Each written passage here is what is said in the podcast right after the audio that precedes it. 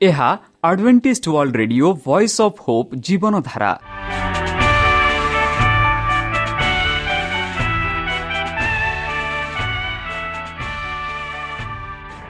Odia radio କାର୍ଯ୍ୟକ୍ରମ ଯାହା ଆମର ଆନ୍ତର୍ଜାତୀୟ ଆଘାତ କେନ୍ଦ୍ରରୁ ପ୍ରସାରଣ କରାଯାଉଛି ପ୍ରତିଦିନ ରାତି ନଅଟା ତିରିଶ ମିନିଟ୍ରେ। ମୁଁ ସୁବ୍ରତ କୁମାର ପତି ପ୍ରେମର ସହ ଆପଣମାନଙ୍କୁ ଏହି କାର୍ଯ୍ୟକ୍ରମକୁ ସ୍ୱାଗତ କରୁଅଛି। ଚାଲନ୍ତୁ ଆଜିର ତିରିଶ ମିନିଟ୍ର କାର୍ଯ୍ୟକ୍ରମ ବିଷୟରେ ଜାଣିନେବା। ପ୍ରଥମେ ରଖିଛୁ ଆଧ୍ୟାତ୍ମିକ ଭକ୍ତିମୟ ଗୀତ। ଏହାପରେ ଶୁଣିବା ସ୍ୱାସ୍ଥ୍ୟ ବିଷୟରେ ଯାହା ଆମର ଦୈନିକ ଜୀବନରେ ଅତ୍ୟନ୍ତ ଜରୁରୀ। ଆଉ ପରିଶେଷରେ ଶୁଣିବା ପରମେଶ୍ୱରଙ୍କ ଭକ୍ତଙ୍କଠାରୁ ଜୀବନଦାୟକ ଈଶ୍ୱରଙ୍କ ବାକ୍ୟ।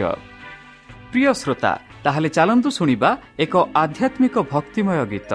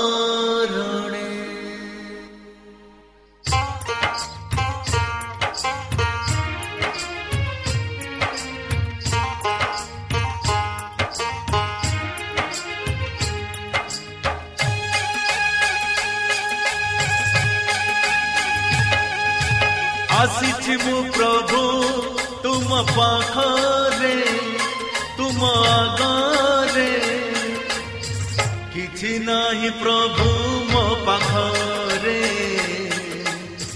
ଦେବ ପାଇଁ ତୁମ ଚରଣେ। ଅଛି ମନେ ଭରସା ପ୍ରଭୁ ତୁମ ଠାରେ। ଅଛି ମନେ ଭରସା ପ୍ରଭୁ ତୁମ ଠାରେ। ବିଶ୍ୱାସ ତୁମ ଠାରେ।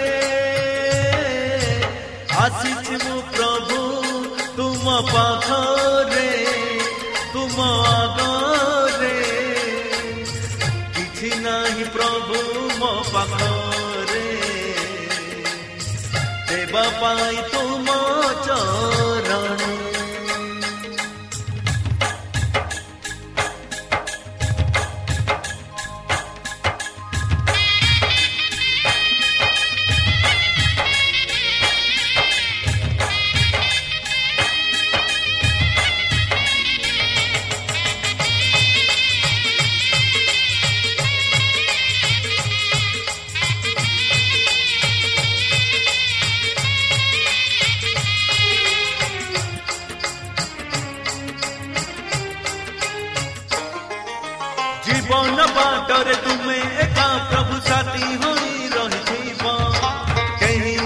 ପ୍ରଭୁ ତୁମ ବିନା ଆଉ ହେବା ପାଇଁ ସାଥୀ ମୋର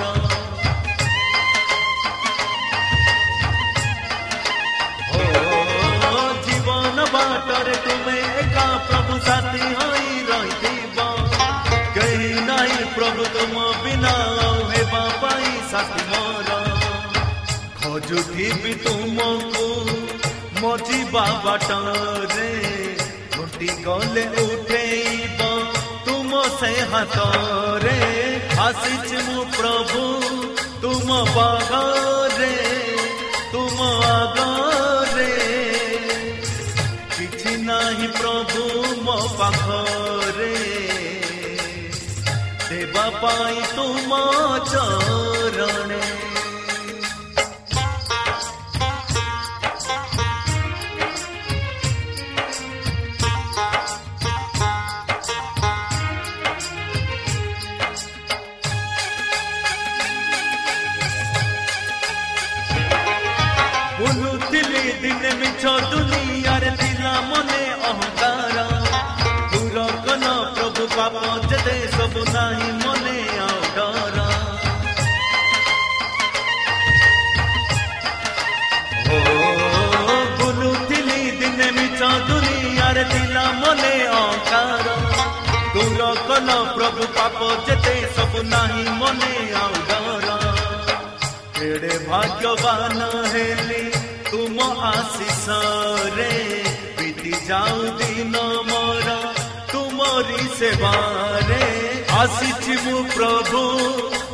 ତୁମ ପାଖରେ ତୁମ ଆଗରେ କିଛି ନାହିଁ ପ୍ରଭୁ ମୋ ପାଖରେ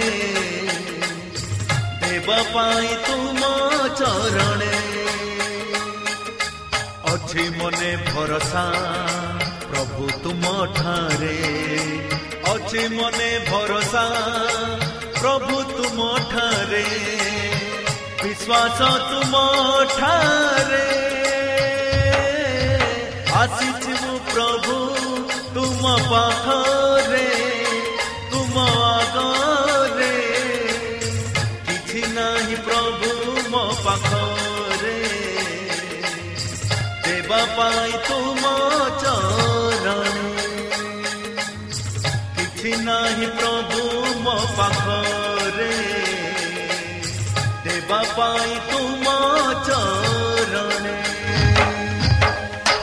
প্রিয় শ্রোতা আমি আশা କରୁଛୁ ଯେ ଆମର କାର୍ଯ୍ୟକ୍ରମ ଆପଣମାନଙ୍କୁ ପସନ୍ଦ ଲାଗୁଥିବ ଆପଣଙ୍କର ମତାମତ ଜଣାଇବା ପାଇଁ ଆମର ଏହି ଠିକଣାରେ ଯୋଗାଯୋଗ କରନ୍ତୁ ଆମ ଠିକଣା Adventist media centre SDA mission compound Salisbury park Pune ଚାରି ଏକ ଏକ ଶୂନ ତିନି ସାତ ମହାରାଷ୍ଟ୍ର ବା ଖୋଲନ୍ତୁ ଆମର ୱେବସାଇଟ୍ ଯେକୌଣସି android phone smartphone desktop laptop କିମ୍ବା ଟ୍ୟାବ୍ଲେଟ୍ ଆମର website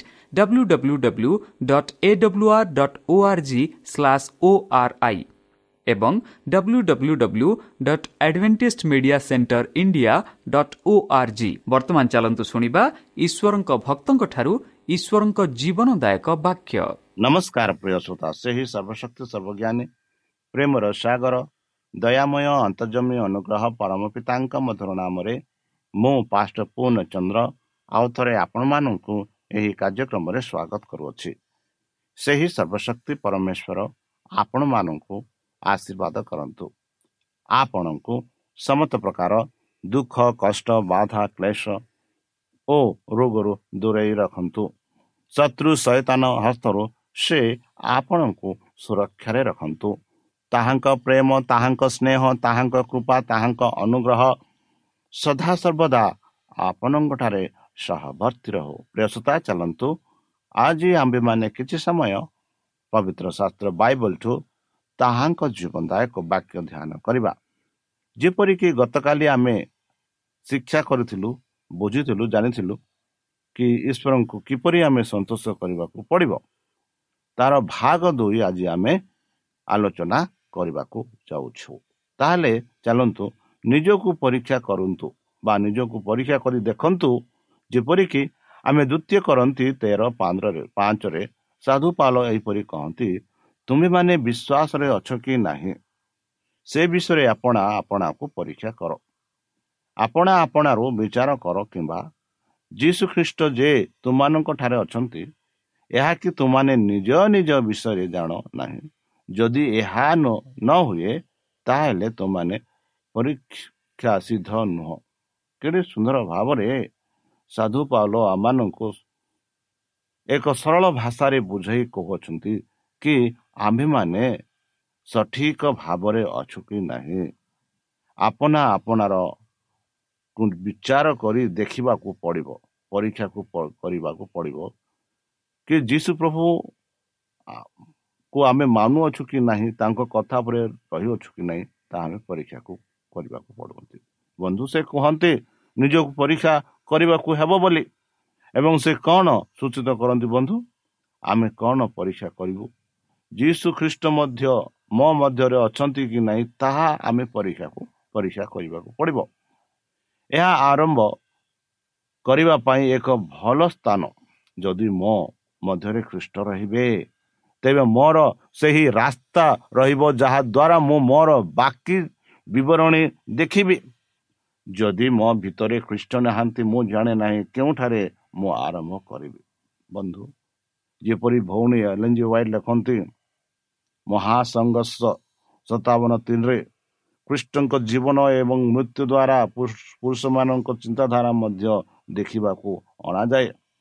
ଖ୍ରୀଷ୍ଟଙ୍କ ଜୀବନ ଓ ମୃତ୍ୟୁ ଦ୍ୱାରା ଈଶ୍ୱରଙ୍କ ମାନେ ଲୋକଙ୍କ ଚିନ୍ତାଧାରା ମଧ୍ୟ ଦେଖିବାକୁ ଅଣାଯାଏ ବୋଲି। ବନ୍ଧୁ ଯଦି ମୋର ମନ କୃଷ୍ଣଙ୍କ ଜୀବନ ଏବଂ ମୃତ୍ୟୁ ଉପରେ ଧ୍ୟାନ ଦିଆଯାଏ ତେବେ ମୋର ଚିନ୍ତାଧାରାକୁ ଦୃଷ୍ଟିକୁ ଅଣାଯିବ। ଯଦି ଏହିପରି କରିବି ନାହିଁ ତାହେଲେ ମୋର ଦୃଷ୍ଟି ଚିନ୍ତାଧାରା ସେଇ ଦୃଷ୍ଟିକୁ ଅଣାଯିବ ନାହିଁ। ଯେପରି ମହାସଂଘର୍ଷ ସତାବନ ତାର ତିନିରେ ଆମେ ଦେଖୁ କି କୃଷ ପର୍ଯ୍ୟନ୍ତ ଯୀଶୁଙ୍କ ଜୀବନ ଆତ୍ମସମର୍ପଣ ଏବଂ ଯନ୍ତ୍ରଣାରେ ପାଇଁ ଏକ ଆହ୍ୱାନ ଥିଲା। ଏହା ଲୋକମାନଙ୍କ ଉଦ୍ଦେଶ୍ୟକୁ ଉନ୍ମୋଚନ କଲା। ବନ୍ଧୁ ଖ୍ରୀଷ୍ଟ ଯୀଶୁ ପ୍ରଭୁ ଯେ କି ପୃଥିବୀକୁ ଆସିଲେ ଯାହା ଯେଉଁ କାର୍ଯ୍ୟ ପାଇଁ ଆସିଥିଲେ ସେଇ କାର୍ଯ୍ୟକୁ ନିଜକୁ ସମର୍ପଣ କରିଥିଲେ। ଆତ୍ମା ସମର୍ପଣ କରିଥିଲେ।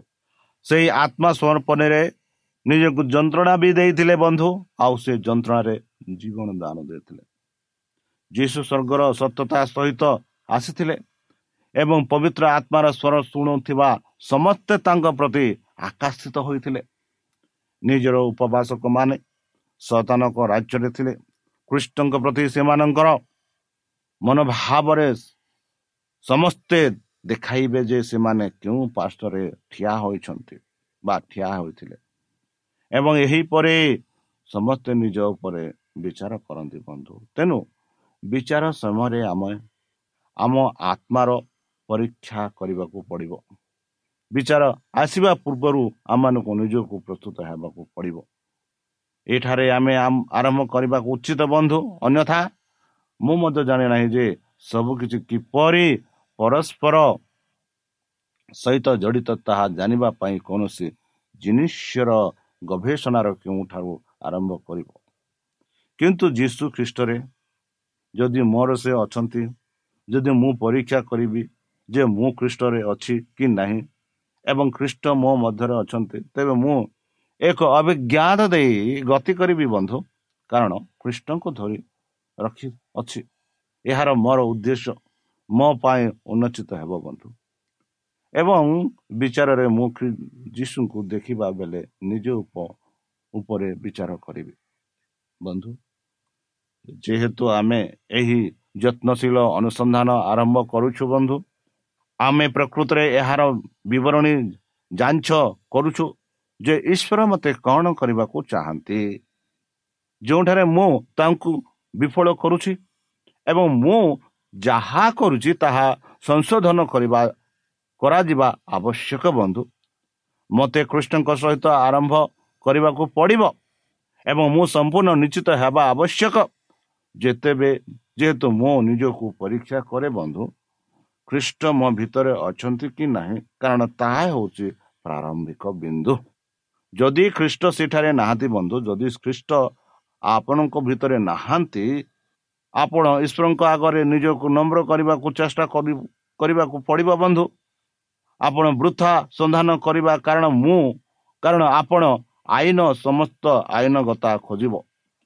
ସମସ୍ତ ଦଶ ଆଜ୍ଞା ଆପଣ ସେମାନଙ୍କୁ ରଖିଛି କି ପାଳୁଛନ୍ତି କି ନାହିଁ ତାହା ଖୋଜିବାକୁ ପଡ଼ିବ।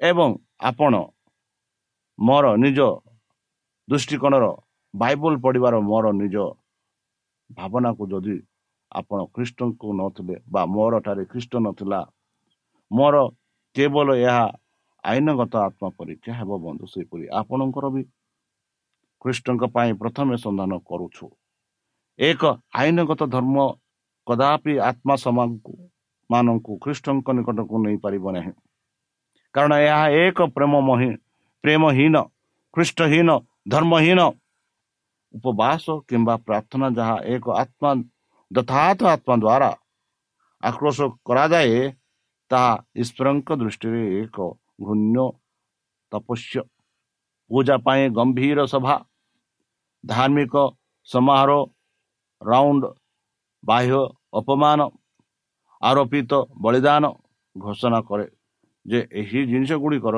କାର୍ଯ୍ୟ କାର୍ଯ୍ୟକାରୀ ନିଜକୁ ଧାର୍ମିକ ଏବଂ ସ୍ୱର୍ଗର ହକ ଦ୍ୱା ଭାବରେ ବିବେଚନା କରନ୍ତି କିନ୍ତୁ ଏହା ସବୁ ଏକ ପ୍ରତାରଣା ଆମର ନିଜ କାର୍ଯ୍ୟ କଦାପି ମୂର୍ଖ ମୁକ୍ତି କ୍ରୟ କରିପାରିବ ନାହିଁ ବନ୍ଧୁ ହଁ ଆମେ ଏଥିରେ ସହମତ। ଆମର ନିଜ କାର୍ଯ୍ୟ କଦାପି ମୁକ୍ତି କ୍ରୟ କରିପାରିବ ନାହିଁ ବନ୍ଧୁ। କିନ୍ତୁ ଏହା ଏକ ଗୁରୁତ୍ୱପୂର୍ଣ୍ଣ ଯେ ଆମେ ଉପବାସ ଏବଂ ପ୍ରାର୍ଥନା ସହିତ ଖୋଜିବା ଯାହା ଆମ ଆତ୍ମାରେ ଅଛି। ଯାହା ଆମ ଉପାୟ ଈଶ୍ୱରଙ୍କ ଉପାୟ ନୁହେଁ ବୋଲି ହୃଦୟଙ୍ଗମ କରିବାକୁ ସମ୍ପୂର୍ଣ୍ଣ ଅପମାନଜନକ ଅଭିଜ୍ଞାତରେ ଈଶ୍ୱରଙ୍କର ଓ ଆପଣ ଆପଣଙ୍କ ବିଷୟରେ ଏକ ଜ୍ଞାତ ଅଛି ଯାହା ଆପଣ ବିଷୟରେ ଥିବା ଜ୍ଞାତ ଠାରୁ ଭିନ୍ନ। ଆପଣଙ୍କ ଥିବା ଜ୍ଞାତ ଠାରୁ ଭିନ୍ନ। ଏବଂ ଏଥିରେ କୌଣସି ଆତ୍ମା ସନ୍ତୋଷ ନାହିଁ ବନ୍ଧୁ। ଆପଣ ଯାହା କରୁଛନ୍ତି ସେଥିରେ ଆପଣ ଯଥାର୍ଥ କରିବା ପାଇଁ କିଛି ନାହିଁ। କାରଣ ଯଦି ଆପଣ ଏହା ଆପଣ ଭିତରେ କୌଣସି ଚିନ୍ତାଧାରା ସହିତ କଲେ କରେ ତେବେ ଆପଣ ଏଠାରେ ମୋ ଆପଣ ପ୍ରତ୍ୟକ୍ରମକୁ ଯଥାର୍ଥ କରିବାକୁ ପଡ଼ିବ। ଆପଣ ପୂର୍ବରୁ ଭୁଲ ରାସ୍ତାରେ ଅଛନ୍ତି ଏହା ଏକ ସମ୍ପୂର୍ଣ୍ଣ ନିଃସ୍ୱାର୍ଥପରତା ଯାହା ଖ୍ରୀଷ୍ଟରେ ଏକୁଟିଆ ମିଳିଥାଏ ବନ୍ଧୁ। ଏହା ଦ୍ୱାରା ଆପଣ ନିଜକୁ ପରୀକ୍ଷା କରିବାକୁ ପଡ଼ିବ ଏବଂ ପ୍ରଭୁଙ୍କୁ ଆପଣ ତ୍ରୁଟି ପ୍ରକାଶ କରିବାକୁ ଦେବାକୁ ହେବ ବନ୍ଧୁ। ଯେପରି ଭଉଣୀ ଏଲେଞ୍ଜି ହ୍ୱାଇଟ୍ ଦେଖନ୍ତି ଆଇନଗତ ଧର୍ମ ଏକ ବୟସ ପାଇଁ ଉତ୍ତର ହେବ ନାହିଁ। ଆମେ ସେବାର ସମସ୍ତ କାର୍ଯ୍ୟ ସମସ୍ତ ବାହ୍ୟ କାର୍ଯ୍ୟ କରିପାରିବା ଏବଂ ତଥାପି ପବିତ୍ର ଆତ୍ମାର ଦ୍ରୁତ ପ୍ରଭାବରୁ ନିରାଶ୍ରୟ ହୋଇପାରିବା କାରଣ ଗିଲ୍ ବୟାର ପାହାଡ଼ କାକର ଏକ ଏବଂ ବର୍ଷାରେ ନିଶ୍ରାୟ ଥିଲା।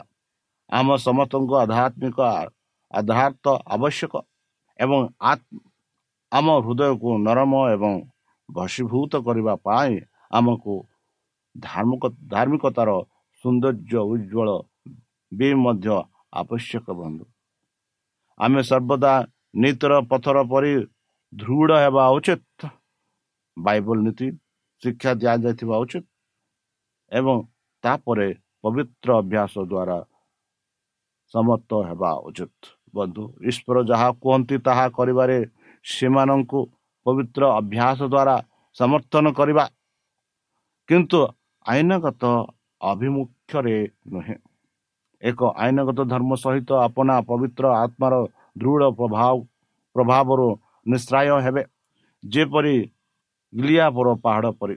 ଅନ୍ୟ ଶବ୍ଦରେ ବା ଅନ୍ୟ ବାକ୍ୟରେ ଯଦି ମୁଁ ଈଶ୍ୱରଙ୍କ ଉପରେ ଜାଣିବାକୁ ଚାହେଁ ଏବଂ ତାଙ୍କ ମୋ ହୃଦୟ ସମସ୍ତ ଜିନିଷ ପ୍ରକାଶ କରିବାକୁ ଦିଏ ଯଦି ଯୀଶୁ ମୋ ମଧ୍ୟରେ ଅଛନ୍ତି ଏବଂ ମୁଁ ତାଙ୍କ ମଧ୍ୟରେ ଅଛି ତେବେ ଈଶ୍ୱରଙ୍କ ଉପାୟ ସଠିକ ଉପାୟ ମିଳିବ ବନ୍ଧୁ।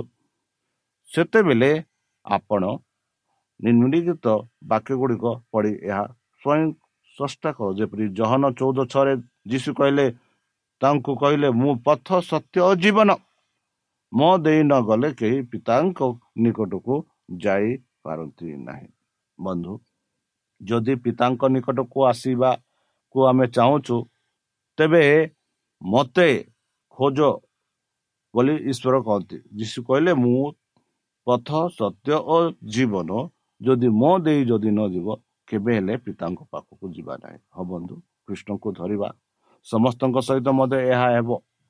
ଆମେ ଯୀଶୁଙ୍କ ନିକଟକୁ ଦେବା ଯେତେ ନିକଟରେ ହୋଇଥାଉ ଏବଂ ଆମେ ତାଙ୍କ ଚରିତ୍ରର ଶୁଦ୍ଧତାକୁ ଯେତେ ସ୍ପଷ୍ଟ ଭାବରେ ବୁଝିବୁ ଆମେ ପାପର ପାପ ଠାରୁ ଅଧିକ ପାପ ଦେଖୁଛୁ ଏବଂ ଆମେ ନିଜକୁ ଉଚ୍ଚ କରିବାକୁ ଇଚ୍ଛା କରୁ ଈଶ୍ୱରଙ୍କ ପରେ ଆତ୍ମାର କ୍ରମାଗତ ଭାବରେ ପହଞ୍ଚିଥିବା ପାପର ଏକ ନିରନ୍ତର ଆନ୍ତରିକ ହୃଦୟ ବିଦାର ସ୍ୱୀକାର ଏବଂ ତାଙ୍କ ଆଗରେ ହୃଦୟର ନମ୍ରତା ହେବାକୁ ପଡ଼ିବ। ବନ୍ଧୁ ଏହି ବିଚାର ସମୟ ଆମେ ଏକତ୍ରିତ ଦିନ ଏହା କରିବା ପାଇଁ ଉଦ୍ଦିଷ୍ଟ ନୁହେଁ। ବନ୍ଧୁ ଈଶ୍ୱର କହନ୍ତି ମୁଁ ତୁମକୁ ଜାଣୁଛି। ଯେପରି ଆମେ ରୋମିଓ ସାତ ଅଠର ଗାଲାତୀୟ ଛଅ ଚଉଦରେ ଆମେ ଦେଖୁଅଛୁ ଈଶ୍ୱର ମାନଙ୍କୁ ଏହିପରି କହନ୍ତି କି ତୁମେ ମୋ ଠାରେ ସମର୍ପଣ କର। ଯେପରି ଈଶ୍ୱର କୃଷରେ ମୃତ୍ୟୁ ହୋଇଥିଲେ ଆମମାନଙ୍କ ପାଇଁ। ତାହେଲେ ପ୍ରିୟସୋତା ଚାଲନ୍ତୁ। ଯିଏକି ଏମାନଙ୍କ ପାଇଁ ସେ କୃଷରେ ମୃତ୍ୟୁ ହେଲେ ତାଙ୍କ ପାଇଁ ନିଜକୁ ଆମ ଜୀବନ ସମର୍ପଣ କରିବା। ତାହେଲେ ମୁଁ କିପରି କହିପାରିବି? ଏହି ବିଚାର ବିମର୍ଶରେ ଖ୍ରୀଷ୍ଟ ଆପଣଙ୍କ ମଧ୍ୟରେ ଅଛନ୍ତି କି ନାହିଁ ତାହା ଆପଣ ପରୀକ୍ଷା କରିବା ଆବଶ୍ୟକ ବନ୍ଧୁ। ଏହା ଜରୁରୀ ବନ୍ଧୁ ଯାହା ଦ୍ୱାରା ଆପଣ ସଠିକ ଭାବରେ ଦ୍ରୁତ ଏବଂ ସଠିକ ଭାବରେ ପ୍ରାର୍ଥନା କରିପାରିବେ। ଏବଂ ଆପଣ ଚରିତ୍ର ତ୍ରୁଟି ବିଷୟରେ ସଠିକ ଭାବରେ ଶିଖିପାରିବେ ବନ୍ଧୁ। ପୃଷ୍ଠ ଆପଣଙ୍କ ମଧ୍ୟରେ ଅଛନ୍ତି କି ନାହିଁ? ଆପଣ କିପରି ପରୀକ୍ଷା କରିବେ? ଖ୍ରୀଷ୍ଟ ଆପଣ ମଧ୍ୟରେ ଅଛନ୍ତି କି ନାହିଁ? ଆପଣ କିପରି କହିପାରିବେ? ଏହା ଏକ ଗୁରୁତ୍ୱପୂର୍ଣ୍ଣ ପ୍ରଶ୍ନ ବନ୍ଧୁ। କାରଣ ଶେଷରେ ଅନେକ ଅଛନ୍ତି। ଯେଉଁମାନେ କହନ୍ତି କହିବେ ପ୍ରଭୁ ଆମେ ତୁମ ସହିତ ଖାଇନାହୁଁ ଏବଂ ତୁମ ସହିତ ରାସ୍ତାରେ ରହିନୁ ଏବେ ଏବଂ ଆମେ ଏହା କରିନାହୁଁ ଏବଂ ତାହା ତୁମେ ତୁମ ନାମରେ କରିନାହୁଁ। ସେଠାରେ ଅନେକ ଖ୍ରୀଷ୍ଟିଆନ ଅଛନ୍ତି ବନ୍ଧୁ ଯେପରି ଏହିସବୁ ସେମାନେ କହିବେ। ଆଉ ସେମାନଙ୍କୁ ଖ୍ରୀଷ୍ଟ କହିବେ ମୁଁ ତୁମମାନଙ୍କୁ ମୁଁ ଜାଣିନାହିଁ ଯେହେତୁ ତୁମାନେ ମୋର ପିତାଙ୍କ ଆଜ୍ଞା ତୁମେ ବାଣିନାହଁ। ଯାଅ ହେ ଦୁଷ୍ଟ ଲୋକ ବୋଲି ଯୀଶୁ ଖ୍ରୀଷ୍ଟ କହିବେ। ଏହା ସତ୍ୟ ବନ୍ଧୁ। ଖ୍ରୀଷ୍ଟ ନବୀକରଣ ଶକ୍ତି ବିନା ଦେଶାନ୍ତର ଏହା ବାକ୍ୟ ବାହ ସଠିକ ଥାଇପାରେ ବନ୍ଧୁ। ଈଶ୍ୱରଙ୍କ ଉପାୟ ସମ୍ବନ୍ଧରେ ଆମେ ବାହାରେ ସଠିକ ହୋଇପାରିବା। ପ୍ରଭାବରେ ପ୍ରେମ ଏବଂ ଅନ୍ୟମାନଙ୍କ ସମ୍ମାନର ଇଚ୍ଛା ଏକ ସୁକ୍ରମିତ ଜୀବନ ସୃଷ୍ଟି କରିପାରେ। ଆପଣ ଜଣେ ଖ୍ରୀଷ୍ଟିଆନ ହେବାକୁ ଚାହୁଁଛ କି? ଏବଂ ଆପଣ ପ୍ରଦର୍ଶନ କରିବାକୁ ଯାଉଛ ଯେଉଁ ଆପଣ ଜଣେ ଖ୍ରୀଷ୍ଟିଆନ। ଆପଣ ଏକ ସୁନିର୍ଦ୍ଦିଷ୍ଟ ଜୀବନ ବଞ୍ଚନ୍ତି ଆପଣ ଈଶ୍ୱରଙ୍କ ସମସ୍ତ ଉପାୟ ଖୋଜିବେ ଏବଂ ସେମାନଙ୍କ ଅଭ୍ୟାସରେ ରଖନ୍ତି। ରଖିବେ କି? ବର୍ତ୍ତମାନ ଆପଣ ଠିକ ଅଛନ୍ତି ତାହା ଯଦି ଏହିପରି କରିବେ। ଆତ୍ମା ସମ୍ମାନ ଆମକୁ ମନ୍ଦର ରୂପକୁ ଏଡ଼ାଇ ହେବାକୁ ଆଗେଇ ନେଇଥାଏ। ବନ୍ଧୁ ଏହାର ସ୍ୱାର୍ଥପତ ହୃଦୟ ଉଦ୍ଧାର କାର୍ଯ୍ୟ କରିପାରେ। ତେବେ ଆମେ କେଉଁ ଉପାୟରେ ସ୍ଥିର କରିବୁ କି ଆମେ କାହା ପାର୍ଶ୍ୱରେ ଅଛୁ? ପ୍ରଶ୍ନ ଅଛି ମୁଁ କିପରି ଜାଣିବି ଯେ ଯୀଶୁ ମୋ ମାଧ୍ୟମରେ ଅଛନ୍ତି? ଉତ୍ତର ଏହାଠାରେ ଅଛି ବନ୍ଧୁ ଯେପରି ଆମେ ଦେଖୁଅଛୁ କାହାର ହୃଦୟ ଅଛି? ଆମର ଚିନ୍ତାଧାରା କାହା ସହିତ ଅଛି? କାହା ସହିତ କଥାବାର୍ତ୍ତା କରିବାକୁ ଆମେ ଭଲ ପାଇଥାଉ? ଆମର ଉଷ୍ମ ସ୍ନେହ ଏବଂ ଆମର ସର୍ବୋତ୍ତମ ଶକ୍ତି କାହା ପାଇଁ ଆମେ ବ୍ୟବହାର କରୁଅଛୁ? ଯଦି ଆମେ ଖ୍ରୀଷ୍ଟଙ୍କ ପାଇଁ କରୁଅଛୁ ଯଦି ଆମର ଚିନ୍ତାଧାରା ତାଙ୍କ ସହିତ ଅଛି ଏବଂ ଆମର ମଧୁର ଚିନ୍ତାଧାରା ତାଙ୍କ ବିଷୟରେ ଯଦି ଅଛି ଆମର କେବଳ ଅଛି ଏବଂ ତାଙ୍କ ପବିତ୍ର କରାଯାଇଅଛି ତେବେ ଆମେ ତାଙ୍କ ଭାବମୂର୍ତ୍ତି ବହନ କରିବାକୁ ତାଙ୍କ ଆତ୍ମାକୁ ନିଶ୍ୱାସ ନେବାକୁ ତାଙ୍କ ଇଚ୍ଛା କରିବାକୁ ଏବଂ ତାଙ୍କୁ ସମସ୍ତ ଜିନିଷରେ ଖୁସି ରଖିବାକୁ ଇଚ୍ଛା କରୁଛୁ। ବନ୍ଧୁ ଯଦି ମୁଁ ଜାଣିବାକୁ ଚାହେଁ ଯେ ଖ୍ରୀଷ୍ଟ ମୋ ମାଧ୍ୟମରେ ଅଛନ୍ତି କି ନାହିଁ ମୁଁ କେବଳ ସେତେବେଳେ କହିପାରିବି ଯେତେବେଳେ ମୋର ହୃଦୟରେ ତାଙ୍କ ସହିତ ତାଙ୍କ ବାକ୍ୟ ମୋର ହୃଦୟରେ ଅଛି ତାଙ୍କ ଧାରଣା ତାଙ୍କ ପାଳନ ତାଙ୍କ ଆଜ୍ଞା ମୁଁ ପାଳନ କରୁଛି ତାହା ଦ୍ୱାରା ମୁଁ ଜାଣିପାରିବି ଯେ ମୁଁ ଖ୍ରୀଷ୍ଟଙ୍କୁ ଖ୍ରୀଷ୍ଟ ମୋ ଠାରେ ଅଛନ୍ତି। ବନ୍ଧୁ ଶାସ୍ତ୍ର ଗୁଡ଼ିକ ସନ୍ଧାନ କରନ୍ତୁ ବୋଲି ପବିତ୍ର ଶାସ୍ତ୍ର ବାଇବଲ କହୁଛି। ଆଉ ଯୀଶୁ ଖ୍ରୀଷ୍ଟ ନିଜେ କହିଲେ ଯଦି ମୋତେ ତୁମେ ଜାଣିବାକୁ ଇଚ୍ଛା କରୁଛ ତାହେଲେ ତୁମେ ଶାସ୍ତ୍ର ଅନୁସନ୍ଧାନ କର। ଚାଲନ୍ତୁ ପଢିବା ଜହନ ପାଞ୍ଚ ଅଣଚାଳିଶ। ତୁମେ ମାନେ ଧର୍ମଶାସ୍ତ୍ର ଅନୁସନ୍ଧାନ କରୁଅଛ କାରଣ ସେଥିରେ ଅନ ଜୀବନ ପ୍ରାପ୍ତ ହୋଇଅଛ ବୋଲି ମନେ କରୁଅଛ। ଆଉ ସେହି ଧର୍ମଶାସ୍ତ୍ର ମୋ ବିଷୟରେ ସାକ୍ଷା ଦେଉଛି। ବନ୍ଧୁ ଯେଉଁ ଧର୍ମଶାସ୍ତ୍ର ଆମେ ପଢୁଅଛୁ ସେ ଧର୍ମଶାସ୍ତ୍ର ଆମମାନଙ୍କୁ ଶ୍ରୀ ଶ୍ରୀକୃଷ୍ଣଙ୍କ ବିଷୟରେ ଆମେ କହୁଅଛୁ ବୋଲି। ଆମେ ସ୍ୱସ୍ଥ ଭାବରେ ପବିତ୍ର ଶାସ୍ତ୍ର ବାଇବଲ ଦ୍ୱାରା ଯୀଶୁଙ୍କ ଯୀଶୁ ଖ୍ରୀଷ୍ଟଙ୍କ ବାକ୍ୟ ଅନୁସାରେ ଆମେ ଦେଖୁଅଛୁ କି ଶାସ୍ତ୍ର ଗୁଡ଼ିକ ଈଶ୍ୱରଙ୍କ ବିଷୟରେ ଆମମାନଙ୍କୁ କହୁଅଛନ୍ତି।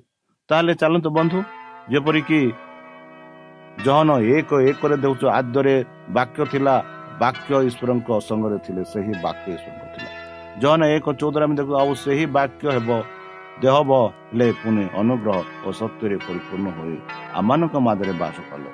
ଆଉ ପିତାଙ୍କ ଠାରୁ ଆଗତ ଆଦିତ୍ୟ ପୁତ୍ରଙ୍କ ମହିମା ସଦୃଶ ଆମେ ତାହାଙ୍କ ମହିମା ଦେଖିବେ। ବନ୍ଧୁ ତାହେଲେ ଚାଲନ୍ତୁ। ସେଇ କୃଷ୍ଣକୁ ଆମେ ଖୋଜିବା ଆଉ ସେଇ କୃଷ୍ଣଙ୍କ ଠାରେ ଆମେ ରହିବା ଆଉ ତାଙ୍କ ବାକ୍ୟ ମାନି ତାଙ୍କ ଆଜ୍ଞା ମାନି ଆମେ ନିଜ ଜୀବନକୁ ପରିଚାଳନା କରିବା। ଯେପରିକି ତାଙ୍କ ଦ୍ୱିତୀୟ ଆଗମନରେ ଆମମାନେ ସେଇ ସ୍ୱର୍ଗରାଜରେ ଏକ ଏକ ସ୍ଥାନ ପାଇପାରିବା। ସେଥିପାଇଁ ଚାଲନ୍ତୁ ନିଜକୁ ସମର୍ପଣ କରି ତାଙ୍କ ମଧୁର ନାମରେ ଆମେ ପ୍ରାର୍ଥନା ଅର୍ପଣ କରିବା। ହେ ଆମମାନଙ୍କ ସର୍ବଶକ୍ତି ସର୍ବଜ୍ଞାନୀ ପ୍ରେମର ସାଗର ଦୟାମୟ ଅନ୍ତର୍ଜମୀ ଅନୁଗ୍ରହ ପରମ ପିତା ଧନ୍ୟବାଦ ଅର୍ପଣ କରୁଛୁ ପ୍ରଭୁ। ବର୍ତ୍ତମାନ ଯେଉଁ ବାକ୍ୟ ତୁମ ଭକ୍ତମାନଙ୍କୁ ଶୁଣିଲେ ସେହି ବାକ୍ୟ ଅନୁସାରେ ଆମମାନଙ୍କୁ ଚାଲିବା ପାଇଁ ବୁଦ୍ଧିରେ ଜ୍ଞାନରେ ଶକ୍ତିରେ ପରିପୂର୍ଣ୍ଣ କର।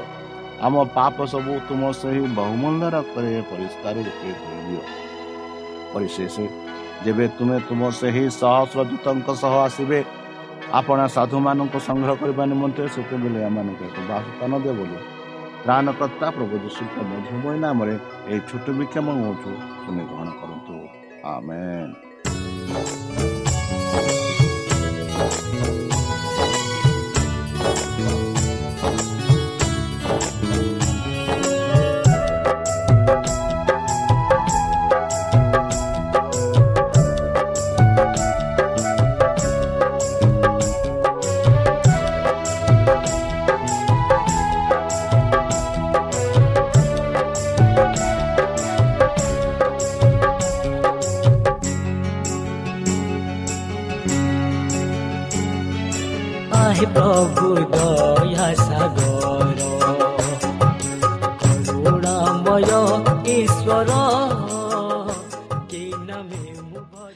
শ্ରୋତା ଆମେ ଆଶା କରୁଛୁ ଯେ ଆମର କାର୍ଯ୍ୟକ୍ରମ ଆପଣମାନଙ୍କୁ ପସନ୍ଦ ଲାଗୁଥିବ।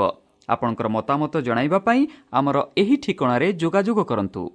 ଆମ ଠିକଣା Adventist media centre SDA mission compound Salisbury park Pune ଚାରି ଏକ ଏକ ଶୂନ ତିନି ସାତ ମହାରାଷ୍ଟ୍ର। ବା ଖୋଲନ୍ତୁ ଆମର ୱେବ୍ସାଇଟ୍ ଯେକୌଣସି android phone smartphone desktop laptop କିମ୍ବା ଟ୍ୟାବ୍ଲେଟ୍ ଆମର website W W W dot A W R dot O R G slash O R I ଏବଂ W W W dot Adventist media centre India dot O R G Adventist media centre ଇଣ୍ଡିଆର spelling ହେଉଛି A D V E N T I S T M E D I A C E N T R E I N D I A ଅଥବା download କରନ୍ତୁ ଆମର mobile app ଆପଣଙ୍କର mobile play ଷ୍ଟୋରକୁ ଯାଆନ୍ତୁ ଆଉ type କରନ୍ତୁ the voice of hope ଆଉ download କରନ୍ତୁ। ଈଶ୍ୱର ଆପଣଙ୍କୁ ଆଶୀର୍ବାଦ କରନ୍ତୁ। ଧନ୍ୟବାଦ।